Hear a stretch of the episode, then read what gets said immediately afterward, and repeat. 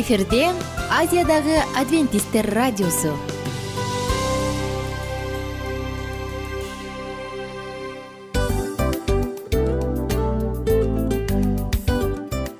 Салам достор.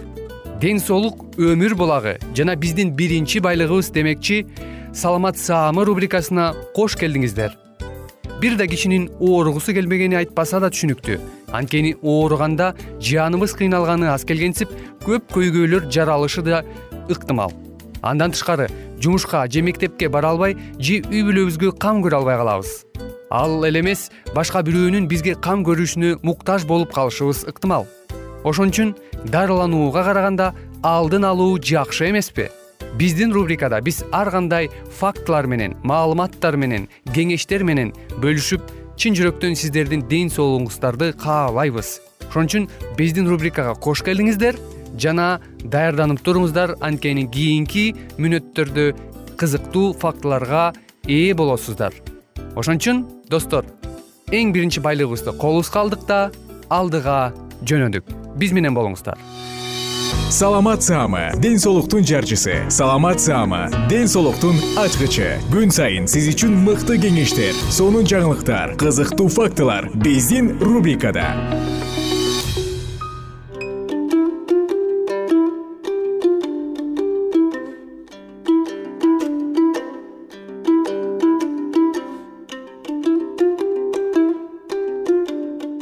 саламатсыңарбы кымбаттуу радио угуучулар? Кайрадан сиздердин назарыңыздарда ден соолуктун ачкычтары программасында кездешип жатканыбызга өтө кубанычтабыз. Бүгүнкү программабыздын чыгарылышында биз адаттагыдай эле э, депрессия туурасында ошол жаатта сөз козгомокчубуз.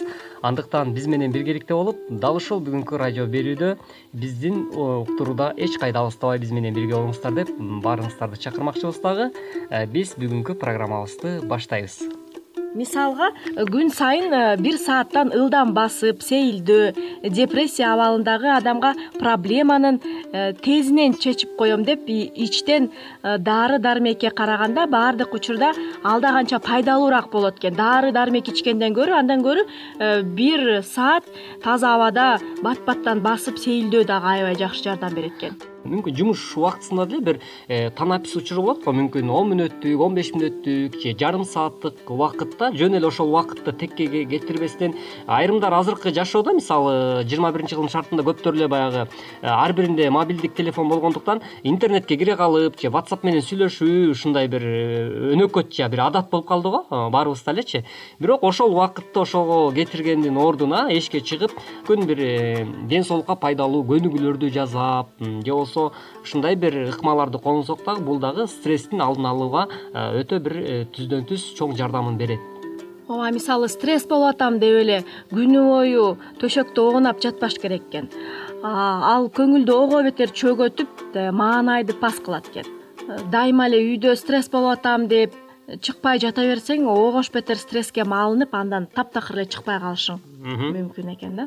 Ооба сөзсүз түрдө мен дагы сенин оюңа кошулам баягы кыргыз элибизде жакшы сөз бар эмеспи ооруну жашырсаң э, өлүм ашкере кылат дейт анысы кандай биз э, ушул жогоруда сен айтканга эле мисал э, мен ушинтип эле стресс болуп калдым анан мен мени эч ким түшүнбөйт же болбосо мен менин бир мындай көңүл бура турчу айлана чөйрөмдө адамдар деле жок деп эле үйдөн чыкпай жата бериш дагы бул алдын ала менин маалыматым боюнча айрым бир психологдор айтып келатат медицинада муну тастыктаган экен мисалы мунун артынан э, адам өзүн өзүнүн жанын кыюуга дагы барып калышы ыктымал экен. Себеп дегенде э, суицид деп коет го баягы ушинтип жата берип чүнчүп кетип анан өзүнүн жанын кыйган дагы айрым учурлар болот экен. Ооба анан дагы жакшы бир кеңеш бар экен. Бул мисалы эшикке чыгып жөн эле кооз жасалган витриналарды карап дүкөндөрдү кыдырып бул акыркы жөнөкөй ыкманын дагы бир жакшы жагы сизден эч кандай чыгымды талап кылбайт экен. Э, эң сонун кеңештер экен анда эмесе ардактуу угармандар ушу бүгүнкү биздин берүүдө өзүңүздөр тыңдап жаткандай эле ушул эрежелерди сиз дагы жашоо тиричилигиңизде э, ушул жашоодо өмүрүңүздө колдоно турган болсоңуз анда сөзсүз түрдө сизге э, жакшы бир натыйжасын кайтарып берет деген ишеничтемин ооба анан дагы э, өзүңүз үчүн кызыктуу жана керектүү иштердин тизмесин түзүңүз. Бул дагы аябай жакшы жардам берет экен. Бул баарынан баарын бир бүтүрбөй а шашпай шашпай биринин артынан бирин өзүнүн проблемаларын чечүүгө да аябай жакшы жардам берет экен. Абдан катуу депрессияга кабылган адамдар э, күнү бою үйүнөн чыкпай жада калса өзүнүн түнкү кийимин да чечпей ооналактап жата беришет экен. Туура чечим чыгара албай ушинтип үйүндө жата берген дагы бул аябай э, терс таасирин тийгизет экен. Мындан сырткары жашоо өзүнүн мазмунун жана баа баркын билиши керек.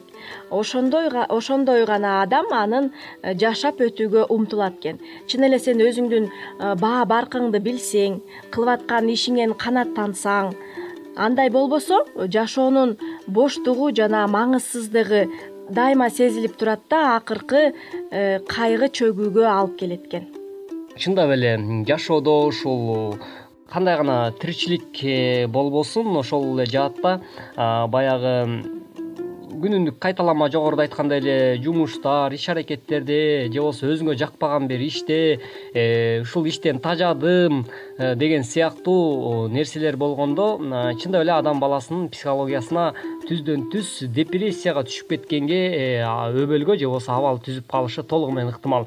Себеп дегенде ар бирибиздин эле башыбыздан өтсө керек э, мүмкүн э, ошол ишти сиз чын дилиңиз менен сүйө албайсыз же болбосо ал сизге өтө деле таандык эмес бирок айласыздыктан башкача айтканда аргасыздыктан мажбур болуп иштегендиктен дагы ушундай абалга түшүп күнүнө эле бушайман болуп жашап кантип сиз депрессияга кабылып калганыңызды өзүңүз дагы сезбей калышыңыз ыктымал. Ошондуктан биз эмне үчүн жашап жатканыбызды кандай жашоо керектигин жана жүрүш турушубуздагы эмнени э, жетекчиликке алышыбыз керектигин билишибиз керек экен. Азыркы кезде көптөгөн адамдар бул маселени динди кабылдоого руханий жактан өсүүгө адамдардан айырмалуу бизди сүйгөн жана камкор кудай бар экендигин ал э, бизди сатпасын жана таштап кетпөсүн сезүү ар кандай сар санаадан коркунучтардан күнөөкөрлүк сезимден таарынычтан жек көрүүчүлүктөн кутулууга жардам берет экен ооба сөзсүз түрдө жогоруда кесиптешим э, айтып өткөндөй эле ардактуу сүйүктүү достор жана угармандар э, сөзсүз түрдө билип коюңуз.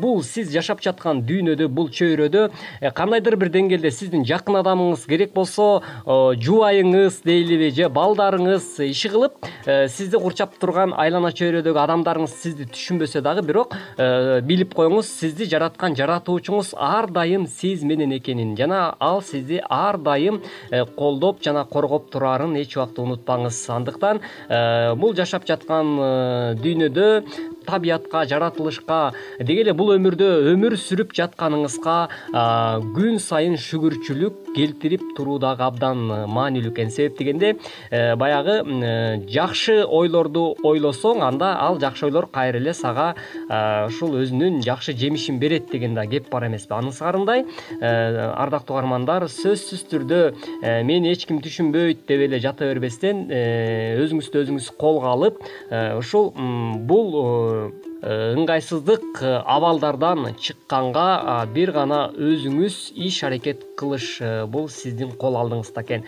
Андыктан баардыгыңыздарга ийгилик каалайбыз.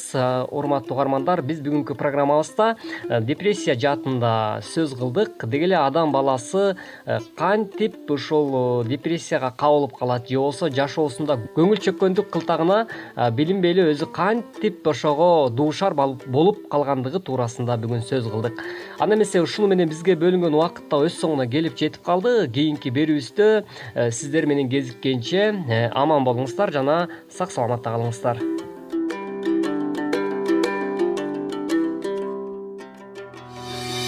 Саламат саама ден соолуктун жарчысы. Саламат саама ден соолуктун ачкычы. Күн сайын сиз үчүн мыкты кеңештер сонун жаңылыктар кызыктуу фактылар. Биздин рубрикада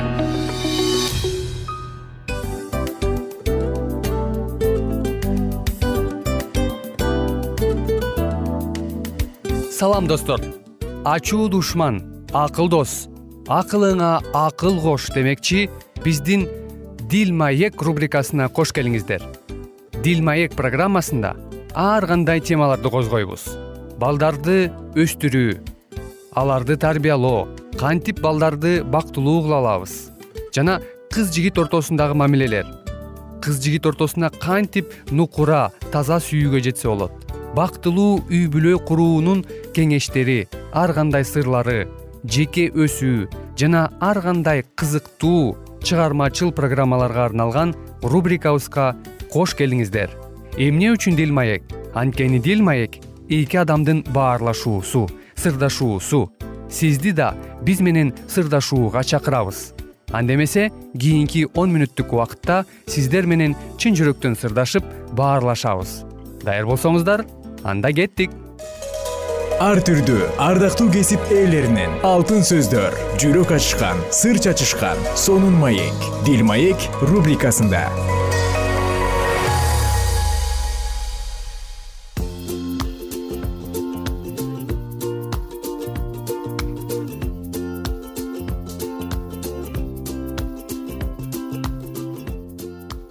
салют достор айымдар жана мырзалар жалпыңыздарга дагы бир жолу ысык салам. Дил маек программасында биз сүйүүгө арналган сүйүүнүн беш тили жөнүндө кеп кылып атабыз. Мурунку уктурууда биз биринчи сүйүүнүн тилине э, токтолгонбуз. Ал колдоо. Ал эми бул уктурууда сүйүүнүн экинчи тили жөнүндө айтып берели бул кайсы тил болду экен деп кызыгып калсаңыз сүйүүнүн экинчи тили убакыт сиздер менен мен мику жана менин кесиптешим аку микрофондун так алдында. Милан мырза негизи эле убакыт адамдын жашоосундагы эң кымбат нерсе. Аны сатып ала албайбыз. Дурус кайтала кайтарып ала албайбыз артка. Анан аны эгер убагында коюп берип жиберсең демек ал кайра ордуна келбейт. Убакыт бул куш да учуп кетти бүттү көрбөйсүң зымыраган куш. Айтпа. Анан демек дагы да айтып коюшат го эң кымбат белек бул убакыт депчи сага арналган убакыт деп. Мен буга дагы жүз пайыз кошулгум келет да. Ооба. Анткени эгерде адам сени баалап сыйлап сүйүп эң эле баалуу убактысын арнап жатса демек ал адамдын чындыгында сүйгөнү дурус. Чын. Эң туура негизи адамзаттын жашоосундагы эң эң эң эң деген байлыктын э, экиси бири ден соолук болсо экинчиси убакыт дейт. Э, бир катуу оору менен ооруп жаткан өлүп аткан бир миллионерден сураптыр да бир журналист. Эмнеге кейиз десе эмнени каалайт элеңиз десе мен миллиард долларым бар бирок мен акча эмес убакыт каалайт элем дейт жашоону каалайт элем дейт. Негизи эле адамзаттын жашоосунда убакыт деген нерсе бул э, абдан керектүү жана маңыздуу нерсе. И өзгөчө никеде. Өзгөчө үй бүлөлүк жашоодо. Эми биз э, мындай философиялык ойлорго берилбестен конкреттүү түрдө үй бүлөлүк жашоодо. Аялы менен күйөөсүнүн ортосундагы бактылуу жашоону курууда убакыт деген тил эмнени билдирет? Бул эмнени түшүндүрөт убакыт деген тили. Негизи эле сүйүүңүздүн сүйүктүүңүздүн жанында өткөргөн ар бир убакыт бул баалуу эмеспи э ооба эгерде сиз ал адамга жыйырма мүнөт убакыт бөлүп жыйырма мүнөт анын жанында болсоңуз демек жыйырма мүнөт көңүл бурган болосуз. Кээде баягы көбүнчө аял заты деп айтайынчы аял заты анан албетте мырзалар дагы сен мени сүйбөйсүң дейт да. Ооба эмнеге мен болушунча эле аракет кылып атпаймынбы мына акчаңды таап келип берип атам тамагыңды бышырып атам кириңди жууп атам деген сыяктуу айтат да. Жок сен менин жанымда отурганды жаман көрөсүң дейт да. Анан ой кантип мына мен деле телефон чукулап отурасың тиякта отурасың биякта отурасың десе жок сен менин жанымда отурушуңду каалайм дейт. Анан мен сени күнүнө айланайм мен үйдө эле отурам го жыйырма төрт саат көрүп атпаймынбы дейт э? Сени жыйырма төрт саат көрүп атпаймынбы десе деле жок сен мага убакыт бөлбөй атасың сен мени сүйбөйсүң деп айтышыбыз мүмкүн да. Демек ал адамдын сүйүү тили убакыт.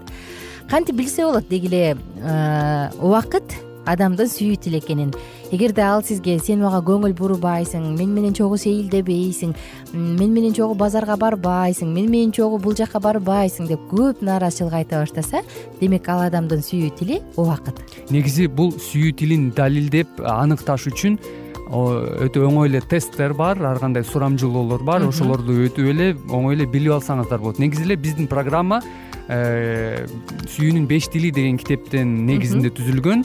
Эгерде сиздер э, кааласаңыздар ал китепти интернеттен деле жүктөп алсаңыздар болот телефондон окусаңыздар болот. Э, кыргыз тилинен билбейм барбы жокпу бирок орус тилинде бар. андан окусаңыздар ошол убакыт тилин кантип далилдеп чыкса болот кантип аныктап чыкса болот өзүңүздүкүн дагы жакындагы сүйгөнүңүздүкүн дагы билип алсаңыз болот. Бул өтө жардам берет абдан өзүнүн таасири күчтүү анан бирок э, негизи эле бул чындыгында эркектер кээ бирде биз ойлойбуз. Эми мен чындыгында мен сени сүйүп атам го. Акчаны алып келип атам үйдө эле жыйырма төрт саат отурам.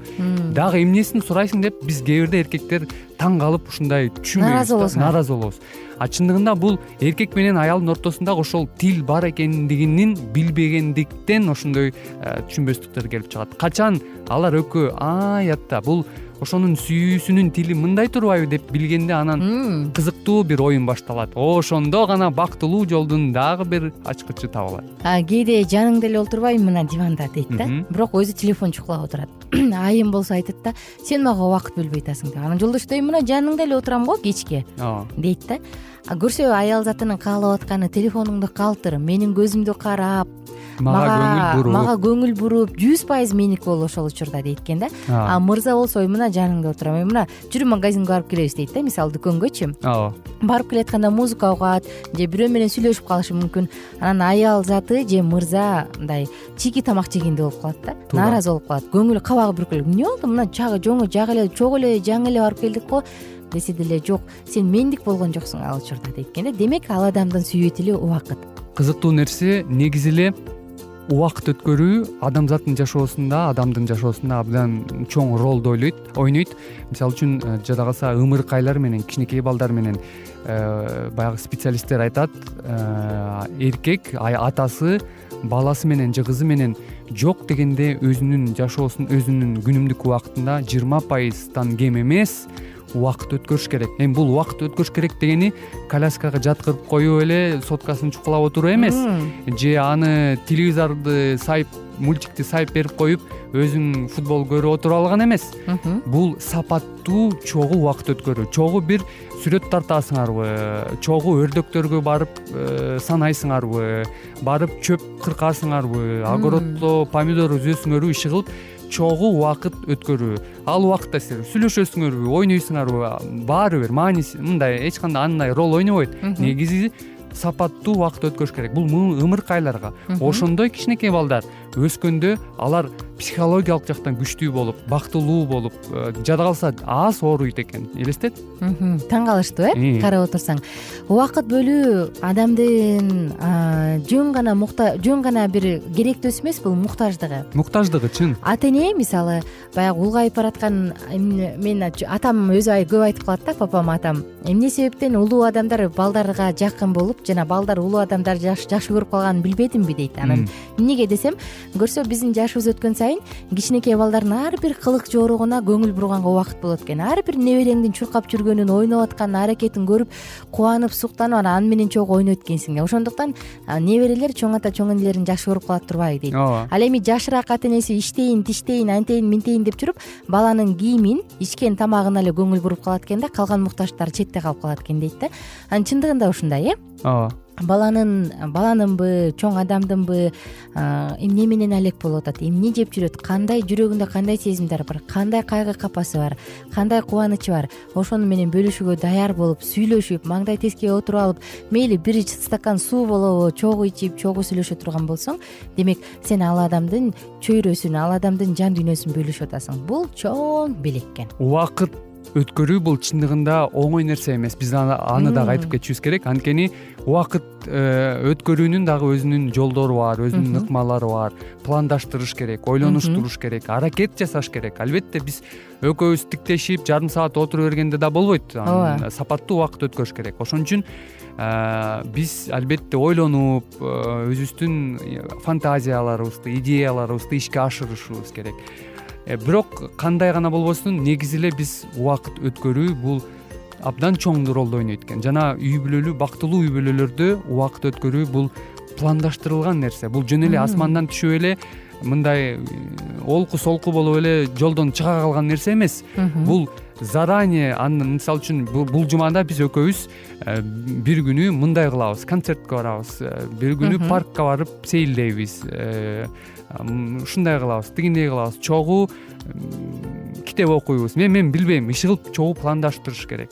Андан тышкары убакыт өткөрүү бул бир жумада бир чоң нерсе убакыт өткөрүүгө болот. Мисалы үчүн же бир жарым жылда бир отпускту пландаштырып бул чоң нерселер. Андан тышкары мелочный кичинекей нерселер бар. Бул күнүмдүк нерселерде жок дегенде беш мүнөт чогуу күнүң кандай өттү деп баягы беш он мүнөт кечки маал чай ичип көңүл буруп э атайын. сотка поткаларды өчүрүп телевизорду сыналгыны өчүрүп. Өкүңөр бетме бет. Же эртең менен кандай уктадың кандай түш көрдүң кандай иш кылса күнүмдүк нерселерде. Балким жумуштан өкүңөр э, обед учурунда жумушуңардан чыгып бир шаардан кезигип чогуу тамак жеп сүйлөшүп баарлашып кетип каласыңар. Иши кылып фантазияңар өзүңөрдө силердин колуңарда убакыт бөлүү мына ушундай тил экен. Эгерде кантип дей турган болсоңуз э, сүйлөшүп жүргөн убакытты бир эстеп коюңуз э, келинчегиңиздин болочок келинчегиңиздин жүрөгүн кантип багындырдыңыз эле. Ага болгон убактыңызды бөлчүсүз. Дал ушул эле ушул нерсени дагы колдоно турган болсо анда үй бүлө болобу кичинекей бала болобу баардыгы ийгиликтүү чоңоет. Достор жалпыңыздар менен кайрадан амандашканча саатыбыз соңуна келип калды. Баарыңыздарга көңүлдүү күн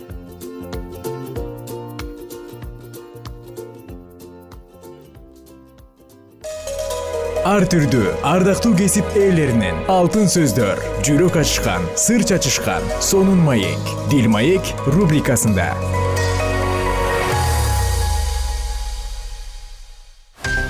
Жан дүйнөңдү байыткан жүрөгүңдү азыктанткан жашооңо маңыз тартуулаган жан азык рубрикасы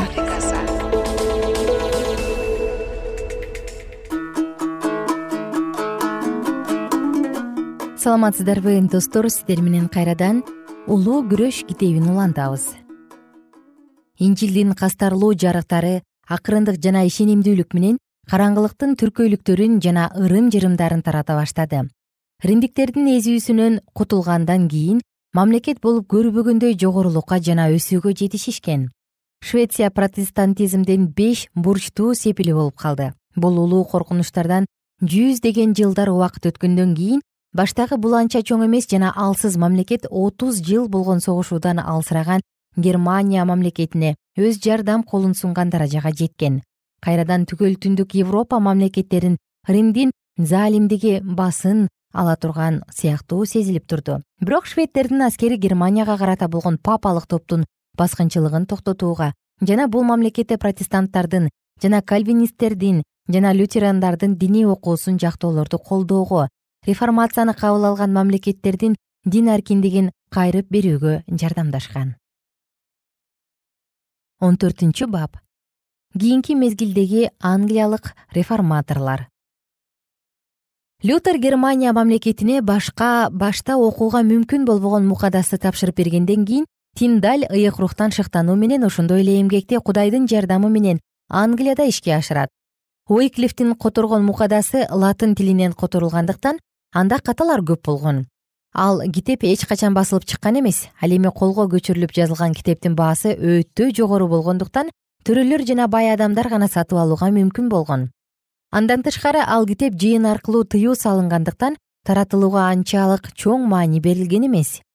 бир миң беш жүз он алтынчы жылы лютердин жазган тезистеринин пайда болоорунан бир жыл мурда эразм жаңы осуятты грек тилине алгачкы жолу которгон жана андан көп убакыт өтпөстөн ал латын тилинде жарыкка чыгат. Ал эми биринчи жолу кудай сөзү түп нускасына которулат. Жана бул чыгарылышта башка котормолордун көп сандаган каталары оңдолуп анын мааниси өзүнүн калыбына келтирилген. Бул болсо көп сандаган билимдүү адамдардын чындыкка жетүүсүнө өбөлгө түзгөн жана реформация иштерине түрткү дагы болуп калды. Бирок кудай сөзү баштагысындай эле карапайым адамдарга жеткиликтүү болгон эмес. Тиндаль уиклиф аркылуу башталган ишти аягына чыгарып жана мукадасты өз замандаштарына берүүсү керек эле. Чындыкты ынталуулук жана олуттуулук менен изилдөөчү ал эразм грек тилине которгон жаңы осуятты окуп жакшы кабарды кабыл алган жана ал өзү алган чындыкты коркпостон жарыялап бардык окутуулар ыйык жазуунун негизинде гана кабыл алынуусу зарыл деген. Ал эми папанын айткан мукадасты чиркөө берген жана аны бир гана чиркөө чечмелей алат деген арыздануусуна тиндаль мынтип жооп берет. Бүркүткө ким өз тамагын таап жегенди үйрөткөнүн силер билесиңерби ошол эле кудай өзүнүн ачка болгон балдарына чындыктын сөздөрүнөн атасын издеп табууну үйрөтөт. Бизге ыйык жазууну силер берген эмессиңер. Тескерисинче силер аны бизден жашырып койгонсуңар. Аны ким жарыя кылыпкан болсо аларды силер отко жөнөтүп жок кылгансыңар. Жана силердин эркиңерде боло турган болсо силер ыйык жазууларды дагы өрттөп жок кылмаксыңар тиндальдын айткан сөздөрү көп адамдарга кызыгууну жаратып жана көпчүлүк адамдар чындыкты кабыл алышкан. Бирок дин кызматчылар алакан жайып отурушкан жок. Эгерде ал өз ишин кичине эле токтото турган болсо алар коркутуу жана жалгандыктар менен ал мээнеттенгенде эмгекти талкалоого аракеттенишкен жана алар көп жолу ушундай кылышты. Эмне кылууга болот болду экен деп толгонду тиндаль мен бир жерге үрөөн себе турган болсом душман келип мен калтырган талаамды талкалап кетет мен бардык жерде бирдей эле мезгилде боло албайм. О эгерде ишенүүчү адамдар өз тилинде ыйык жазууга ээ боло турган болушса анда алар бул акылды усунган адамдар менен күрөшө алышмак. Мукадас болбосо папалык окутууну чындыкка бекемдөө мүмкүн эмес. Бул ой санаалар тиндальга тынчтык берген жок. Өз эне тилинде деп ой жүгүрттү ал. Израиль эли кудайдын үйүндө даңктуу ырларын ырдашкан жана эмнеге бизде өзүбүздүн агылчын тилибизге жакшы кабар таралбашы керек жыйын эмнеге? Таңкыга караганда чак түштө азыраак жарык алышы керек. Ар бир ишенүүчү адам жаңы осуятты өз эне тилинде окуусу зарыл. Чиркөөнүн окутуучулары жана сөз талдоочулары бири бирине карама каршы көз караштарды билдире беришкен. Бир гана мукадас аркылуу адамдар чындыкты айырмалап билише алмак.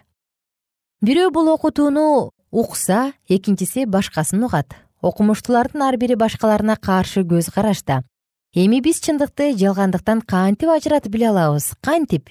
Бир гана кудай сөзүнүн жардамы менен гана. Бир нече убакыт өткөндөн кийин тиндаль менен бир католик сөз талкуулоочу талам тартышка түшүшөт. Жана католик мындай деп айткан. Биз папанын мыйзамдарынан куру калганча кудайдын мыйзамдарынан куру калганыбыз артык тиндаль ага карата мынтип жооп кайтарган менин папа жана анын мыйзамдары менен ишим жок. Эгерде кудай менин өмүрүмдү узартып кое турган болсо анда бир нече жылдан кийин сокко кармап жер айдаган бала силерге караганда ыйык жазууларды жакшы билип калышы үчүн аракет кылам. Эми тиндаль өзүнүн жүрөгүндө көпкө чейин сактап жүргөн ой максатынын тууралыгына ишенди жана өз элине өз эне тилинде жаңы осуятты тапшырыш үчүн көп ойлонуп олтурбастан ишке киришти өз үйүнөн куугунтукталгандыктан ал лондонго барат. Ал жерде бир нече убакыт эч кандай жолдоосуз иштей алмак. Бирок көп өтпөстөн папалык жактоочулардын каары аны качууга аргасыз кылды. Түгөл англия боюнча ага баш калкалары орун калбай калган сыяктуу сезилди. Жана германияга барып жашынууну чечет. Жана ал германияга келгенден кийин гана жаңы осуятты агылчын тилинде бастырууга киришкен. Анын иши эки жолу токтолуп калган качан ага китеп бастырууну бир шаарда тыюу сала турган болсо ал экинчисине которулуп турду. Акыры бир нече убакыт мурунураак лютер жакшы кабарды чогулуш алдында коргочологон вормс шаарына келет. Бул байыркы шаарда реформациянын көптөгөн жактоочулары бар болчу жана тиндаль өз ишин эч кандай жолтоосуздан улантып жатты. Көп убакыт өтпөстөн жаңы осуяттын үч миң даанасы басылып чыгып жана ошол эле жылы дагы бир жолу басылып чыгуу талап кылынды ардактуу достор сиздер менен уктуруубузду кийинки жолу улантабыз биз менен бирге болуңуздар. Жалпыңыздарга көңүлдүү күн. Достор биздин радио баракчаларыбыз соңуна келди. Демек бул программабызды дагы жыйынтыктачу учур келдик.